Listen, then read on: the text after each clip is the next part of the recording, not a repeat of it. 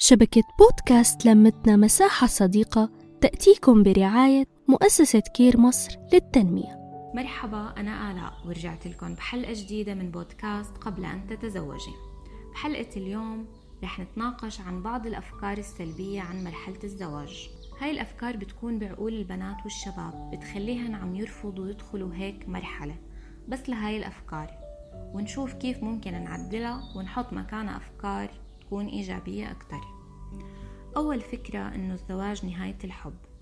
أي نعم مشاعر أول فترة بتكون متأججة وبعد مدة بنتعود على بعض. بس إذا في حب حقيقي رح تضل هاي المشاعر وتتحول لشكل أحلى وأعمق. وبإيدنا نضل نجدد ونعمل أنشطة ولفتات رومانسية. ونحل الخلافات أول بأول لنحافظ على هاي المشاعر الحلوة. تاني فكرة إنه ما عاد أقدر أنجح بحياتي الخاصة بعد الزواج.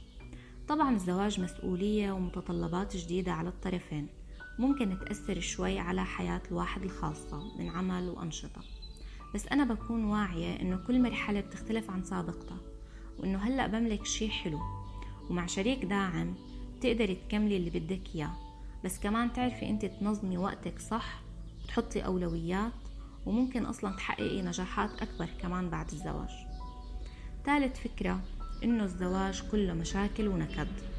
كمان طبيعي هذا الشي لأنه اثنين عقولا تربايتن والتجارب اللي تعرضوا لها مختلفة.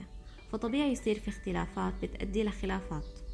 بس لما نتعلم شوية مهارات كيف ندير المشاكل ونسمع ونتغافل بتتحجم هاي المشاكل.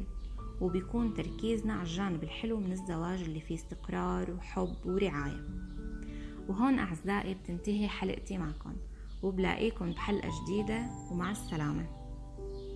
نحكي نتشارك نتواصل.